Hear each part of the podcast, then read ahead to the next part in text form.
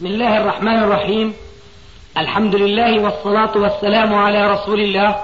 أما بعد فهذا أحد أشريطة سلسلة الهدى والنور من الدروس العلمية والفتاوى الشرعية لشيخنا محمد ناصر الدين الألباني حفظه الله. نسأل الله أن ينفع به الجميع. والآن مع الشريط العشرون بعد المئتين على واحد. حاجة يعني؟ آه يعني بدون حاجة يعني ضرورية. نعم.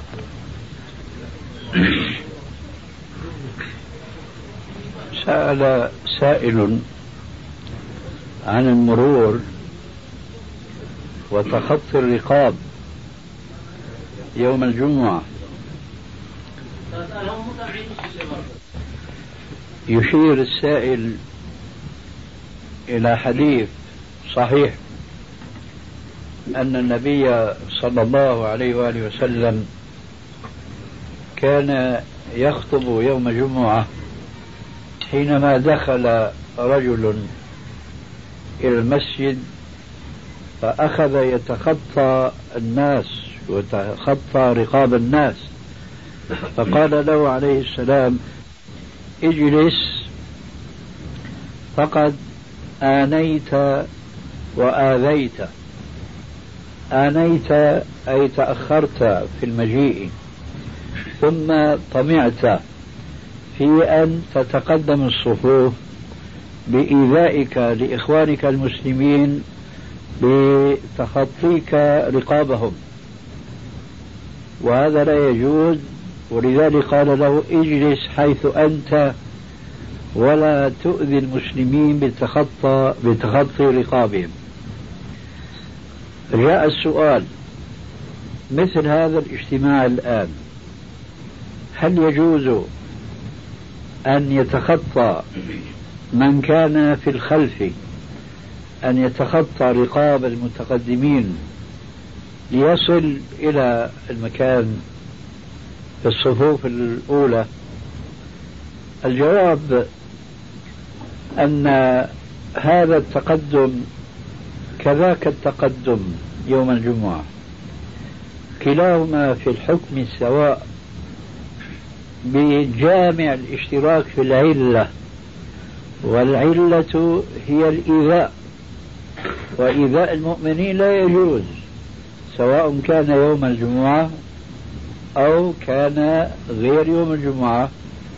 في المصلى مثلا مصلى العيد أو في اجتماع جامع كهذا الاجتماع. هذا وذاك كلاهما في الإيذاء سواء فهو لا يجوز. وإنما يجوز هذا وذاك. إذا كان الجالسون في المجلس أي سواء كان في المسجد أو في أي مجلس كمجلس جامع كهذا. إذا كان هناك فراغ في الصفوف الأولى وهذا نراه كثيرا في كثير من المساجد. ففي هذه الحالة يجوز التقدم لسد الفراغ الموجود في الصفوف الأولى. أما إذا كان لا فراغ هناك فينبغي أن يجلس حيث انتهى به المجلس. وعلى كل حال فالجواب أن الإيذاء لا يجوز سواء كان يوم جمعة أو كان غير جمعة إلا في حالة تهاون المجتمعين وتركهم الفراغ في الصفوف الأولى فيجوز أن يتخطى رقابهم مع الرفق والتأني لكي يسد الفراغ الموجود في الصفوف الأولى أو في مقدم المجلس. ويجب أن نتذكر بهذه المناسبة أن إيذاء المسلم فضلا عن إيذاء المسلمين أي الكثيرين منهم فهو لا يجوز حتى في بعض الطاعات. لا يجوز إيذاء المسلم بالطاعة. مثال ذلك قوله عليه السلام حينما كان عليه السلام في حجرته وهي كما تعلمون قرب مسجده فسمع أصواتا في المسجد مرتفعة بتلاوة القرآن. فقال عليه الصلاة والسلام يا أيها الناس كلكم يناجي ربه فلا يجهر بعضكم على بعض بالقراءة فتؤذوا المؤمنين. لا يجهر بعضكم على بعض بالقراءة فتؤذوا المؤمنين. أي لا يجوز الجهر برفع الصوت بالذكر لما فيه من إيذاء لبعض المصلين. وهذا الإيذاء يقع في أكثر المساجد اليوم وبخاصة المساجد التي يكون أهلها تبعا لإمامها من أبعد الناس عن معرفة السنة. ففي هذه المساجد يقع إيذاء كبير جدا برفع الصوت بعد سلام الإمام بالإستغفار أو بالتهليلات العشر بعد صلاة الفجر مثلا وبعد صلاة المغرب حيث يرفعون أصواتهم. بالتهليل عشر مرات هذا التهليل عشر مرات دبر صلاة المغرب وصلاة الفجر من السنة وعليها فضيلة عظيمة جدا ولكن بالخفض والخفت والسر وليس بالجهر لأن في الجهر إيذاء ببعض المصلين كيف ذلك؟ كثيرا ما يتفق أن بعض المصلين يكونون مسبوقين بركعة أو بأكثر حسب الصلاة فحينما يرفع الناس الذين سلموا مع الإمام أصواتهم بالذكر فبذلك يحصل التشويش للذي قام ليأتي بما فاته من الصلاة. بل ويمكن أن يكون الإيذاء أكثر من ذلك بأن من سلم مع الإمام فهو له ورد يريد أن يأتي بينه وبين ربه. لا يريد أن يشوش على غيره فيأتي بالأوراد والأذكار سرا وأولئك يرفعون أصواتهم بالذكر فيشوشون عليهم فيقع الإيذاء في مثل هذا الإنسان. والرسول عليه السلام قد قال كما سمعتم آنفا لا يجهر بعضكم على بعض بالقراءة فتؤذوا المؤمنين. ومن هذا الحديث الذي فيه النهي الصريح عن إيذاء المؤمنين ولو برفع الصوت بالذكر لأن هذا الرفع بالصوت للذكر هو أحسن أحواله أن يكون في بعض المناسبات جائزا. لكن هذا الجائز إذا ترتب من ورائه إيذاء ما لمسلم ما هي واجب الابتعاد عنه. لهذا الحديث الصريح كلكم يناجي ربه فلا يجهل بعضكم على بعض من القراءة حتى هؤلاء الذين يشتركون جميعا في التهليلات العشر مثلا يحصل إيذاء بعضهم لبعض. وهذا يلاحظ حينما يتأمل الإنسان كيف يجري التهليل من الجمهور بصوت واحد فينقطع صوت أحدهم ولا يستطيع أن يتمم قراءة تمام التهليلة فيصير عنده تشويش ولا يستطيع أن يتمم بينه وبين نفسه لأنه بده يلحق صوت الجماعة. فيصبح حين ذاك. هو نفسه اللي كان معهم وانقطع نفسه عنهم أصيب بالإيذاء بسبب هذا الجهر. أما لو ترك ونفسه فهو يقرأ على رويه وعلى هدوء سرا بينه وبين ربه. والله تبارك وتعالى كما في القرآن الكريم يعلم السر وأخفى. من هذا الحديث جاء في بعض كتب العلماء الفقهاء تنبيه عظيم جدا.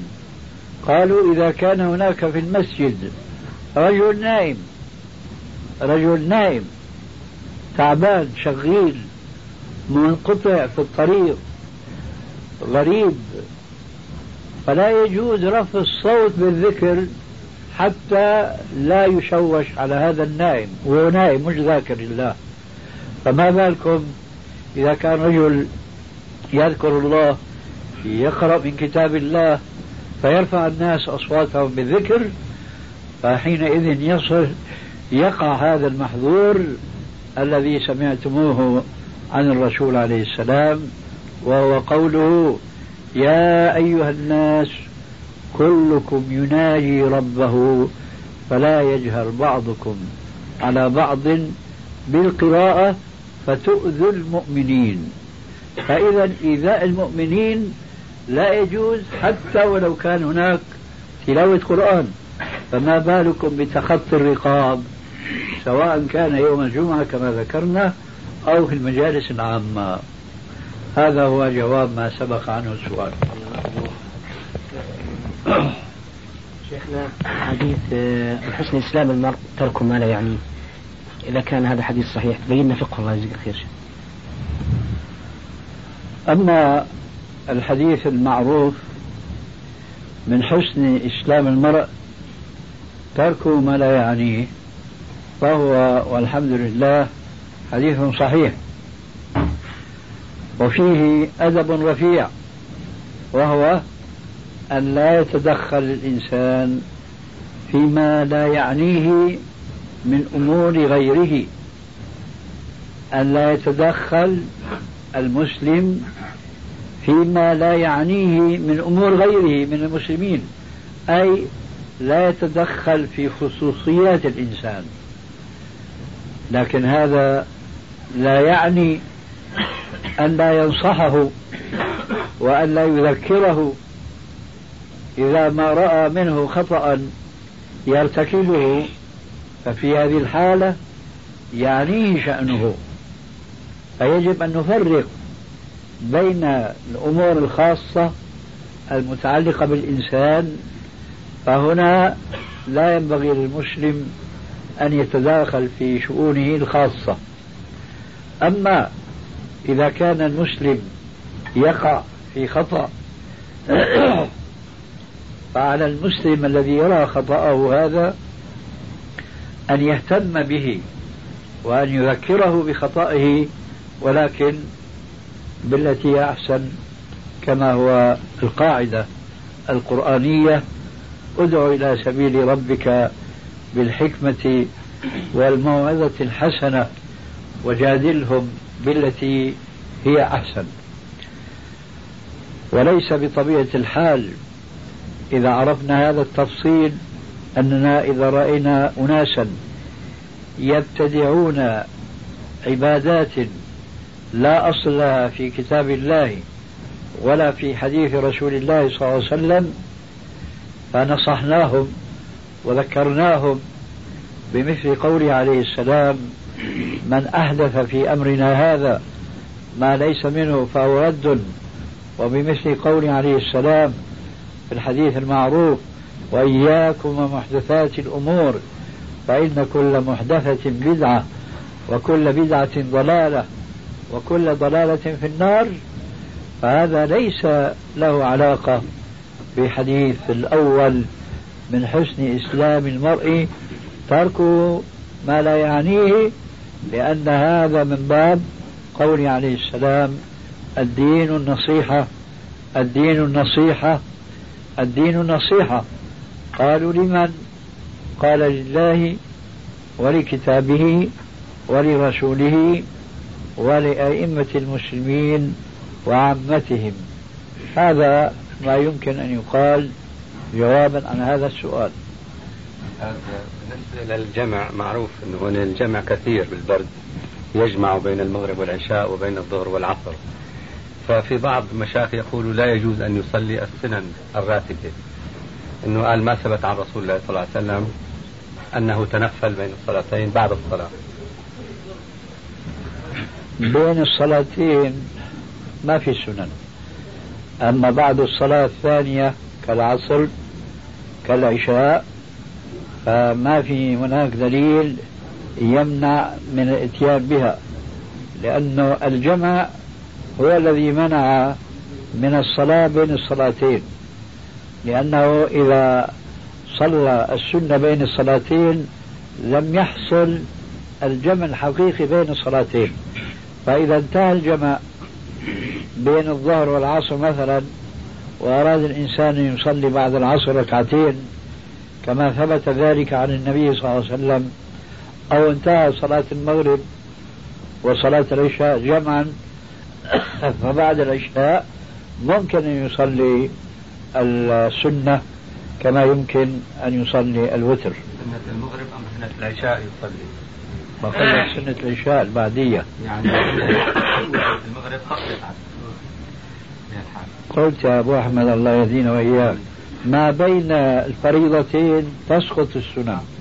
لأنه إذا صلى السنة بين الفريضتين معناها فرق بين الصلاتين ولم يجمع.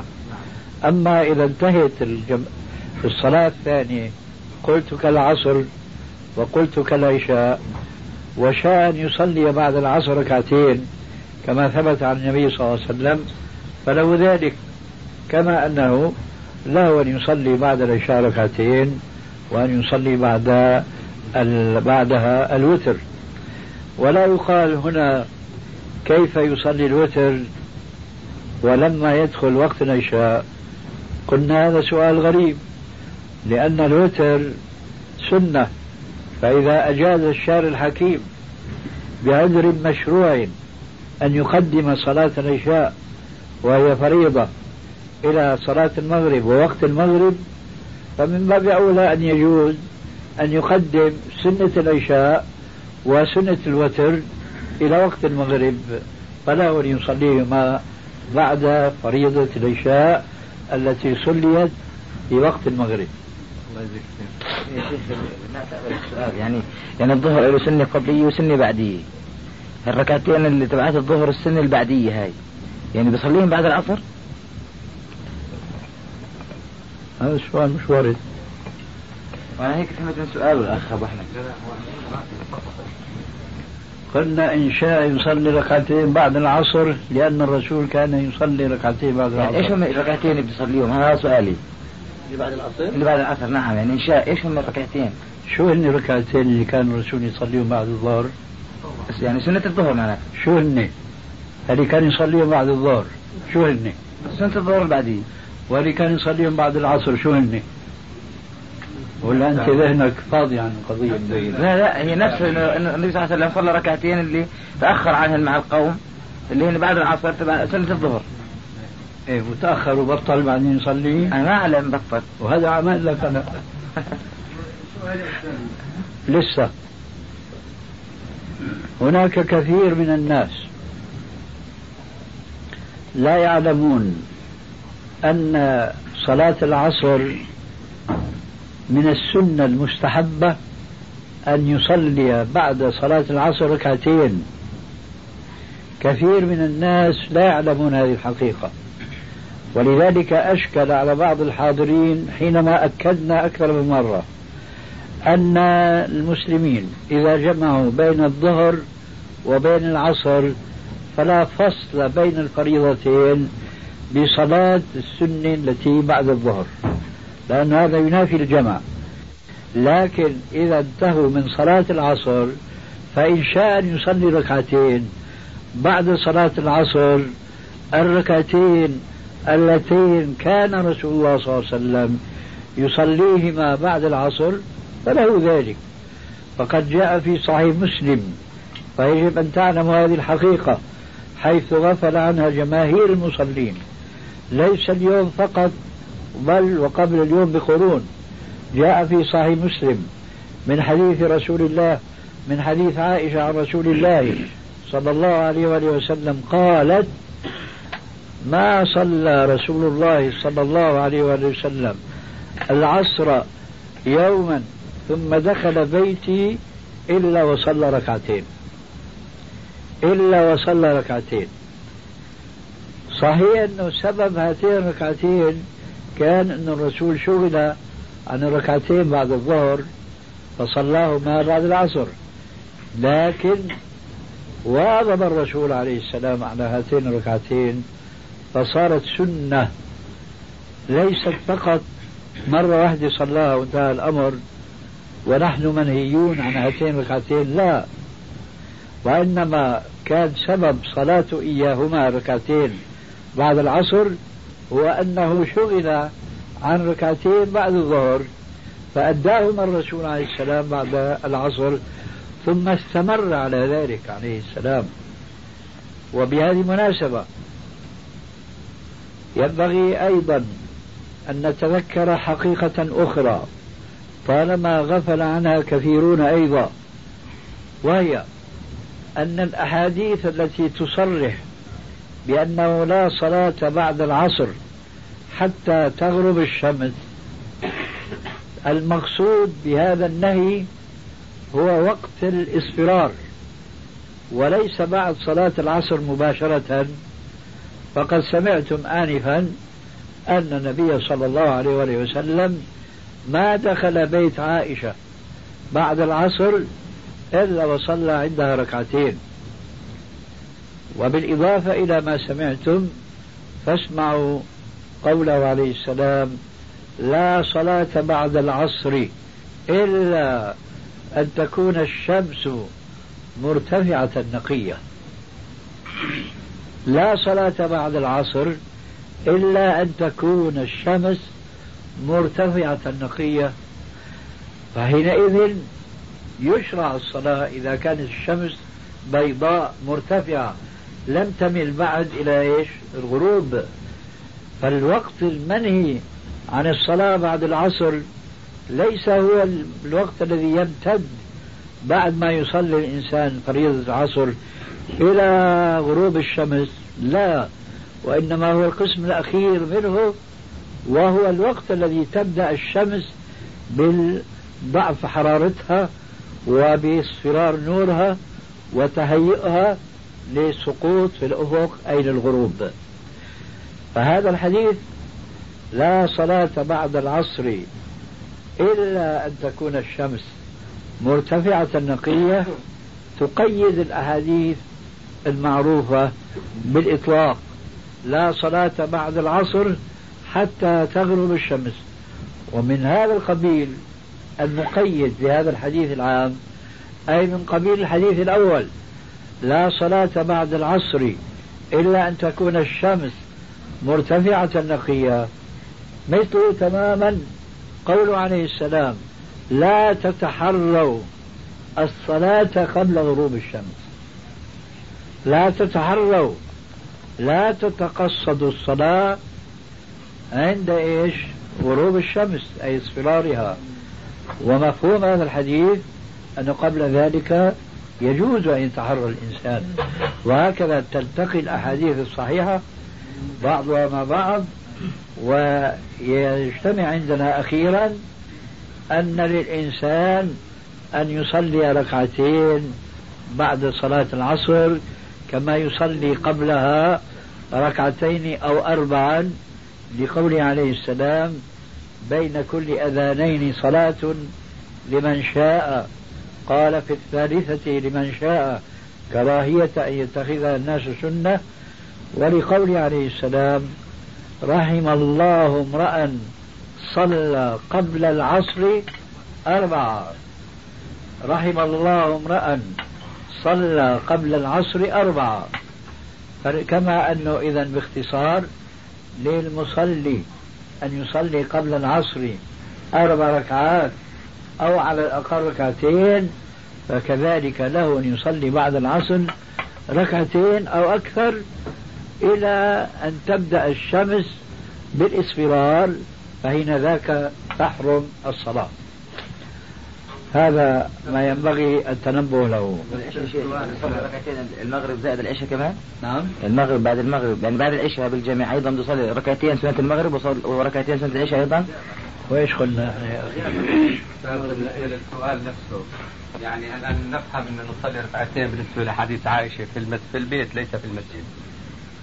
يعني حق ما شرط إنه يصليهم في البيت. ما هو شرط يا أخي السنن كلها تصلى في البيت على طريقة الأفضلية لكن إذا صلاها حديث عائشة إنه ما إذا صلاها في المسجد جاز ممكن تحكوا أنا عم أقول أن الرسول قال أفضل صلاة المرأة في بيته إلا المكتوبة لكن إذا صلى السنة في المسجد جاز فبعد هذا البيان ما في كلام. عم أقول عن حديث عائشة. إنه ما جلس ما إلا وصلى ركعتين فهالركعتين يصليهم بعد صلاة العصر؟ فيكون في البيت أفضل ولا في المسجد؟ الله يهديك. البيت أفضل طبعا. إذا دخلت المسجد قبل المغرب والشمس تميل إلى الإصفرار فنصلي تحية المسجد أو نجلس؟ لا تصلي تحية المسجد قبل أن تجلس لأن الرسول عليه السلام يقول إذا دخل أحدكم المسجد فلا يجلس حتى يصلي ركعتين. نعم. هناك السنن تنقسم إلى قسمين. سنن لها أسباب وسنن ليس لها أسباب. فالسنن التي ليس لها أسباب تدخل في حديث لذكرناه لا صلاة بعد العصر إلا أن تكون الشمس مرتفعة نقية. أما السنن التي لها أسباب فهي مستثنات من هذا النهي. السنن التي لها أسباب تحية مسجد أنت دخلت المسجد دخولك المسجد كان سببا لصلاة ركعتين. لو ما صليتهم فاتوا.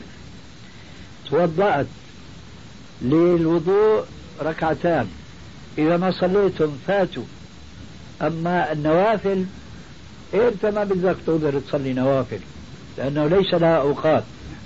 أما النوافل التي لها أسباب فهي تصلى ولو في وقت الكراهة. هذا هو القول الراجح من قول أهل العلم. إذا دخل أحدكم المسجد فلا يجلس حتى يصلي ركعتين. هذا حديث صريح وحديث النهي اللي أنت ذكرته ونحن ذكرناه من قبل هذا بيقول عنه العلماء من العام المخصوص. مثلا لو إنسان عند اصفرار الشمس تذكر إنه ما كان مصلي الظهر فعليه أن يصلي في ذلك الوقت وقت الكراهة. ليه؟ لأن الأوقات هذه إنما نهي عنها لزيادة العبادة والتنفل. ولذلك قال في الحديث السابق لا تتحروا الصلاة عند غروب الشمس. يعني أنت شايف الشمس بدأت تغرب والله راح تصلي ركعتين لله نفل. هذا لا يجوز. لكن أنت دخلت المسجد وبدك تجلس ما بيجوز تجلس حتى تصلي ركعتين. الصورة اللي ذكرناها آنفا. ذكرت أنه عليك صلاة فائدة. فبتصليها ولو كانت الشمس راح تغرب لأنه هذه مستثناة من كراهة الصلاة في ذلك الوقت. نعم. تفضل. شيخ احفظ سؤالك.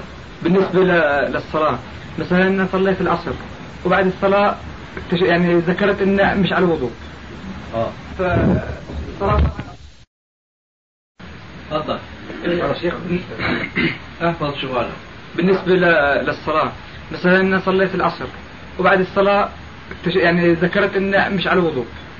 آه. ف صراحة أتوقع إنها راحت. والجماعة راحت علي كمان ثواب الجماعة. كلها راحت. ما بني على فاسد فهو فاسد فلا بد من الوضوء وإعادة الصلاة. نعم. بالنسبة لتحريك الأصبع في الصلاة أنا قلت ليس خفضا ورفعا ها؟ يعني بدنا تمثل أيام على الواقع كيف؟ هذا صحيح. يعني كثير من أخواننا في كل بلاد الإسلام والحمد لله نراهم يقومون بهذه السنة ولكنهم يبالغون فيها. الذي ورد في الإصبع في التشهد هو التحريك وليس الخفض والرفع. فأنت واضع يدك على ركبتك. التحريك يكون هكذا ولا يكون هكذا. هذا اسمه خفض ورفع. هذا الخفض والرفع ما في حديث مطلقا ولا حديث موضوع. وإنما كل ما فيه أنه رأى الرسول عليه السلام يحركها يدعو بها. فهذا التحريك هو السنة. أما هذا هذا اسمه خفض ورفع وهذا لم يرد مطلقا فيجب يجب التنبه لهذا التفريق. التحريك هكذا وليس خفضا ورفعا. والنظر إلى شيخنا ومن ذلك يكون الإخلاص؟ النظر من السنة. وبهذه مناسبة والشيء بالشيء يذكر. أيضا بعض الناس انصب إيدك وجزاك الله خير كما فعلت. هذه الركبة كثير من الناس ماذا يفعلون؟ يحطوا إيدهم هيك والأصبع لوين نازلة؟ لتحت. هذا خلاف السنة وإنما بنقدم إيدنا هيك لورا بنأخر وبنرفع هيك إلى القبلة وبنحرك أما هيك هذا صار انحراف عن القبلة إلى الأرض. هذا خلاف السنة. هاي الركبة آه. هذه الأصابع هون بدها تكون مش ناتا هيك. بتكون هيك هاي الركبة كلها. ورفعنا وقبضنا وأشرنا هيك إشارة إلى القبلة وحركنا. أما هيك هذا خطأ. وهذا خطأ شائع. كالخفض والرفع تماما. يلا غير راح ينتهي الوقت هل جائز أن يجمع في صلاة واحدة بنيتين؟ آه هذا الجواب يمكن أن نلحقه بالسؤال السابق ويمكن أن لا نلحقه. السؤال السابق الجمع بين العقيقة والأضحية. عرفنا أن هذا لا يجوز لأنه فريضة لا تقوم عن فريضة. هذا السؤال إن كان المقصود أن نجمع بين نيتين في عملية واحدة في الفريضة فالجواب لا.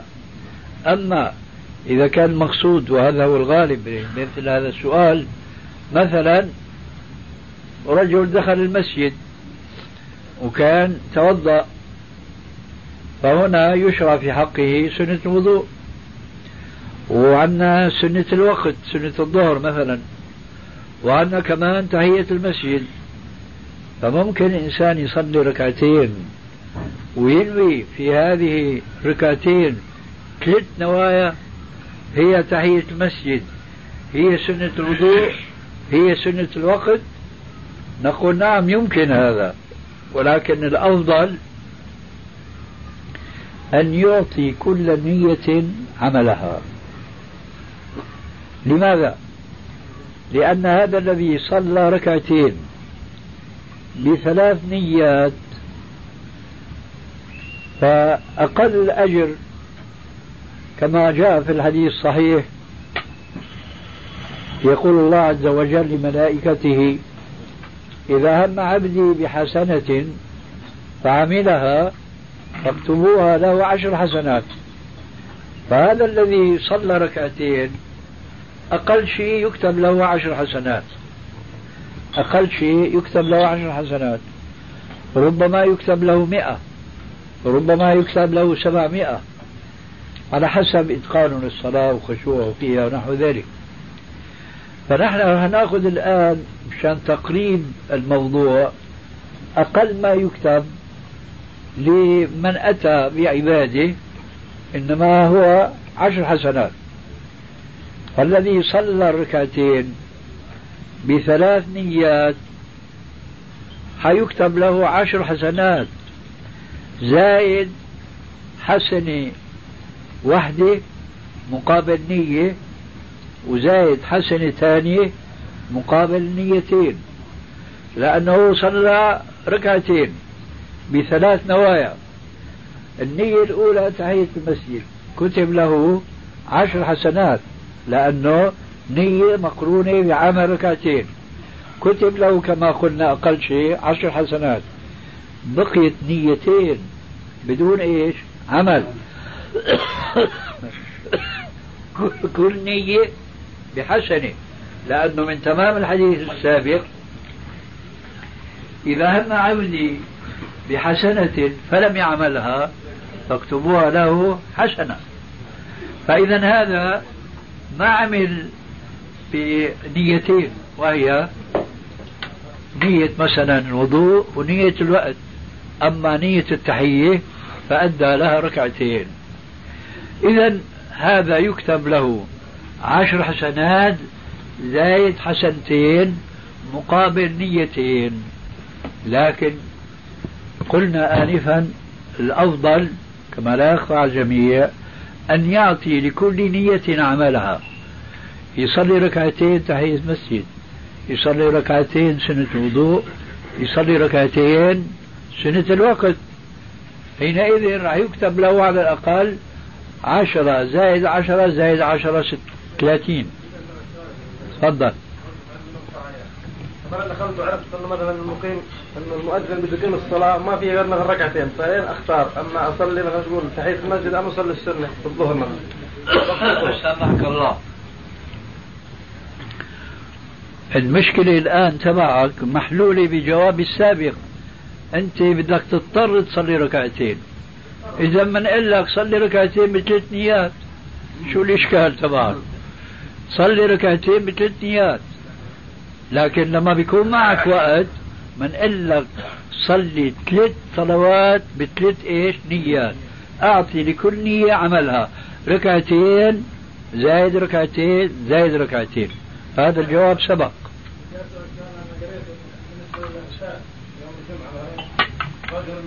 اغتسال الجمعة. أني قرأته فرقت بينهم. جزاك الله خير. مين فرق؟ يعني أنت قلت إنه لازم كل واحد ينية وكل واحد اغتسال لحاله. صحيح والسبب نعم. يعود إلى الكلام السابق أن واجب لا يغني عن واجب. فنحن نعتقد أن غسل الجمعة واجب. فإذا كان رجل جنب فغسل الجنابة واجب بإجماع علماء المسلمين. أما غسل الجمعة فمختلف فيه والراجح عندنا أن غسل الجمعة واجب وهذا صريح في قوله عليه السلام غسل الجمعة واجب على كل محتلم. والمقصود بالمحتلم هنا هو الرجل البالغ وليس المحتلم يعني اللي شاف منام لا. فحينئذ نقول لابد من غسلين لأنه واجب لا يقوم مقام واجب ثاني وتكلمنا عن هذا آنفا. أما من يرى أن غسل الجمعة ليس بواجب وإنما هو سنة فهون بيمشي الحال أنه يغسل غسل واحد بنيتين. عرفت كيف؟ آه.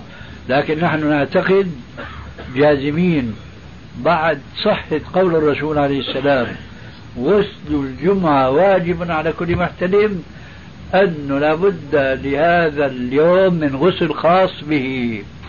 ومعنى هذا ليس كما قد يظن البعض أنه بيغتسل الجلابي وبيلبس بعدين بيغتسل الجمعة لا.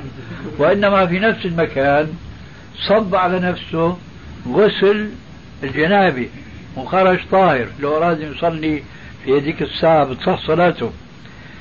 لكن يجب أن يغتسل في نفس المكان غسل خاص ليوم الجمعة. لا ما في فرق شيخ هل ينبني عليها بطلان الصلاة العملية؟ كيف؟ ينبني عليها بطلان الصلاة العملية؟ لا يعني لا لا, لا الغسل الجمعة ليس شرطا كما يقول ابن حجر رحمه الله في صحة صلاة الجمعة وإنما هو أمر واجب مستقل عنه شيخنا الحديث من اغتسل يوم الجمعة فبها ونعمة ومن توضأ ومن اغتسل من توضأ يوم الجمعة فبها ونعمة ومن اغتسل فالغسل أفضل. هذا الحديث صح شيخنا؟ صحيح هذا. وكلما كان الغسل آكد كلما كان أفضل. خلاف ما يتوهم بعض الناس أن هذا الحديث يدل على أن غسل الجمعة ليس بواجب لأنه إذا تصورنا ثلاث صور غسل الجمعة مستحب. غسل الجمعة سنة مؤكدة. غسل الجمعة واجب. فعلى القول الأول أن غسل الجمعة مستحب. فقوله عليه السلام ومن اغتسل فالغسل أفضل. ليش؟ لأنه أضاف إلى الوضوء غسلا. وعلى القول الثاني وهو أن الغسل يوم الجمعة سنة مؤكدة. مو مستحب فقط بل سنة مؤكدة. من باب أولى أن الغسل أفضل صح ولا لا؟ طيب تجي المرتبة الثالثة والأخيرة أنه غسل الجمعة واجب. إذا كان في الحالة الأولى أفضل ففي الحالة الثانية أفضل وأفضل في الحالة الثالثة أفضل وأفضل وأفضل. فما بنا في هذا أبدا ما يتوهمه كثير من الناس أنه هذا بدل أنه غسل الجمعة ليس بواجب. إذا كان غسلين شيخنا أفضل وأفضل؟ لا. غسل الجنازة كيف؟ هل يقرن الوضوء مع الغسل؟ هذا سبق الجواب عنه. لا شيخنا غسلين يعني متزوج في ليلة اغتسل غسلين يعني لما اغتسل غسلين غسل الجنابة وغسل الجمعة. مش حكينا. هذا يصير الآن أفضلية؟ آه، طبعا يصير أفضلية بس حكينا عنها بس هي مشان خاطرك يعني. جزاك الله خير نعم. الغسل يقترب بالوضوء. ما تجي واحد مضيع طفل عنده أو كذا بعد ما تبدأ الصلاة بيقول بدنا ننادي بالسماعه عملا على هذا الطفل. هل يجوز؟ إن المساجد لم تبن لهذا.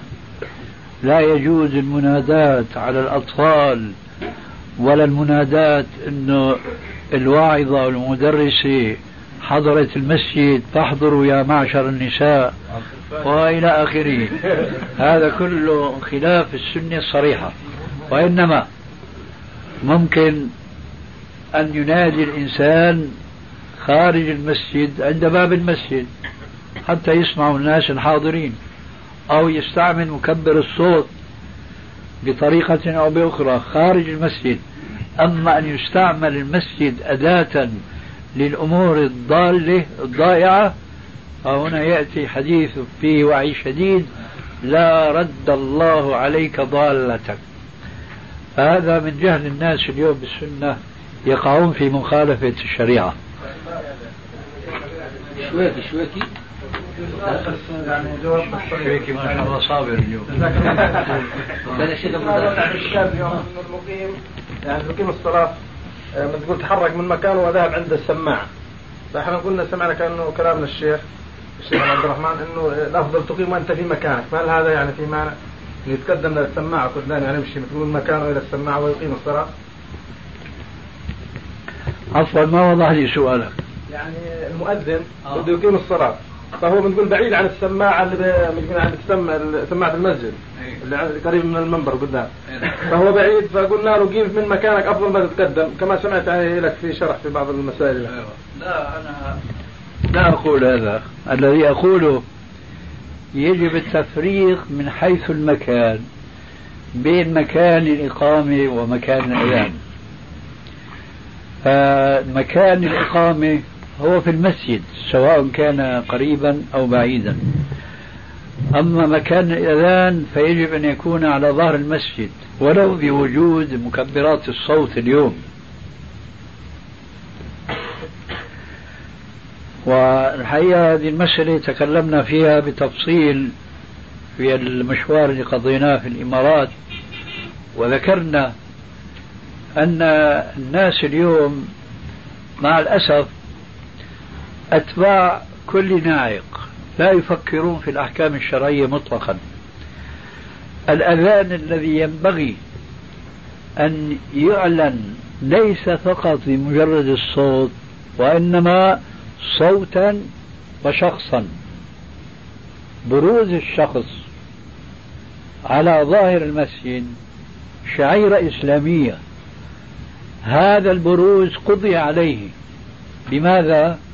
بالوسيلة الحادثة اليوم وهي مكبر الصوت فأصبح كثير من المؤذنين نراهم في بعض المساجد بيدخل تحت المنبر ما يرى أحد لكن صوته وين؟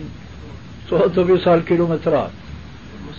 لا بأس لا بأس من استعمال آلة المكبر هذا لأن هذا من مقاصد الشريعة وفصلنا الكلام هناك تفصيلا. لكن ما يجوز في سبيل تحقيق أمر مستحب وهو تبليغ الصوت إلى أبعد مكان ممكن على حساب إضاعة سنة وهو بروز المؤذن في مكان ظاهر من المسجد. هذا سنة. وهذه السنة ثبتت في حديث شرعية الأذان. وهذا معروف. لما الرسول عليه السلام في أول الإسلام ما كان في أذان. كان ينادي بعضهم بعضا كما يفعل بعض المؤذنين اليوم. بعد الأذان بينادي الصلاة يا مصلين الصلاة. هذا لا يجوز بعد الأذان لأنه هذا كان قبل شرعية الأذان. فالرسول عليه السلام عمل مؤتمر وتشاور مع الصحابة بالقصة المعروفة. كل واحد يأتي باقتراح هذا بيقول بالبوق والثاني بيقول نار والثالث بيقول بالناقوس إلى آخر القصة. حتى رأى ذلك الصحابي عبد الله بن زيد الأنصاري شاف حاله في المنام ماشي في طريق من طرق المدينة رأى رجلا بيده ناقوس قال له يا عبد الله أتبيعني هذا الناقوس؟ قال له لما؟ قال لنضرب عليه في أوقات الصلاة. قال ألا أدلك على ما هو خير؟ الآن أقف قليلا. كلمة خير شو معنى خير؟ يعني أفضل. نرجع لحديث ومن اغتسل فالغسل أفضل. ما بدل هذا أنه المفضول بيجوز لا هذا مش قاعدة عربية أبدا. لأنه شو بيطلع معنا؟ ألا أدلك على ما هو خير من الناقوس أنه الناقوس خير. لكن هذا أخير أفضل. خطأ هذا. المهم أنه بلى. فكان هناك جذم جدر. جذم جدر يعني جدار منهدم باقي منه بقية كما هو مشاهد في القرابات. يعني الجدار لما بينهدم بيبقى له أصل بحيث الإنسان ببداهة بشوف هون كان في جدار. فشاف هذا الرجل في المنام هذاك الرجل ارتفع على الجدار وحط إيديه هيك في أذنيه وأدى الأذان المعروف اليوم بدون زيادات مقدمة ومؤخره الله أكبر الله أكبر وآخرها لا إله إلا الله. ونزل نزل من هالجذب. على الأرض العاديه وأقام الصلاة. من هنا صارت سنة فيما بعد فبلال كان يصعد على ظهر بيت هناك في المدينة ويؤذن أما الإقامة ففي المسجد. فالآن يقع خطأ مزدوج بسبب أولا سكوت أهل العلم عن بيان الحقائق الشرعية والسنن النبوية وثانيا الناس بطبيعة الحال إذا كان أهل العلم ساكتين فمن أين هم يعلمون؟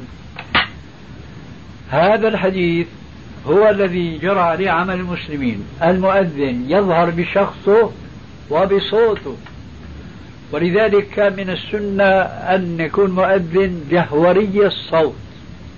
ولذلك في تمام القصة السابقة لما قص الرجل المنام على رسول الله قال إنها رؤيا حق فألقه على بلال فإنه أندى صوتا منك. أندى صوتا منك. إذا نداوة الصوت وقوة الصوت أمر مرغوب فيه شرعا. وجدت هذه الوسائل مكبر الصوت ما في مانع ولكن ليس على حساب إضاعة سنة وهي بروز المؤذن بشخصه. ويقول أهل العلم فائدة البروز أو من فوائد البروز بجوز إنسان ما يسمع لضوضاء لغوغاء إلى قد يكون لا سمح الله في أذنه صمم لكن لما بيشوف المؤذن وعامل هيك هذا ما يأذن يقينا. ضاعت هذه السنة بسبب وجود إيش؟ مكبر الصوت. يا أخي مكبر الصوت هذا إذا ما استعملناه ما علينا إثم لكن إذا استعملناه فهو أفضل لما ذكرنا من شرعية أن يكون مؤذن ندي الصوت. لكن مو على حساب إضاعة سنة بروز المؤذن في الأذان. نيجي على العكس. المقيم يقيم في المسجد. في نفس المكان هل بيأذن فيه؟ لكن هذا المكان ما هو مكان المؤذن هنا انتبه بقى. وين مكانه؟ على ظهر المسجد. فاختلط بقى حكم الأذان بالإقامة. لما أذنا ضيعنا إيش؟ بروز المؤذن بشخصه وبدنه. لما أقمنا ماذا فعلنا؟ أذعنا الإقامة كالأذان. هذا خلاف السنة. الإقامة لأهل المسجد فقط. ومن هنا نصل إلى تنبيه إلى خطأ آخر. يذاع صلاة المصلي خاصة يوم الجمعة منها الإذاعة هي قراءة القرآن. وين عم تصل القراءة هي؟ وين ما بيصل الراديو. عم تصل المقاهي وللناس المارة واللي عم يلعبوا بالضامة واللي بيلعبوا بالقمار وإلى آخره. لا يجوز إخراج صوت الإقامة وبالتالي صوت الإمام وهو يصلي خارج المسجد خارج الجدران أربعة المسجد. هذا كله خلاف السنة. وكما ترون إما إفراط وإما تفريط أما وكان بين ذلك قوامة لا إفراط ولا تفريط هذا مع الأسف أصبح أندر من الكبريت الأحمر. ونسأل الله عز وجل أن يعلمنا ما ينفعنا. وأن يزيدنا علما وأن يوفقنا للعمل بما علمنا. وسبحانك اللهم وبحمدك أشهد أن لا إله إلا أنت أستغفرك وأتوب إليك. وأكل طعامك أمرار وصلت عليكم ملائكة وأفطر عندكم الصائمون. لكن لكن ما فهمنا أنه هي عقيقة إيه؟ حقيقة أجانا الله سبحانه وتعالى من علينا بغلام ما شاء الله. زكية إن شاء الله. إن شاء الله. أسماناه عبد الرحمن. إيه نعم الاسم. ولكن ما ما أوفينا بشرطنا الشباب اللي غلبوك مش إحنا اللي غلبناك. لا وين ما غلبتوني؟ ريحتونا إن شاء الله.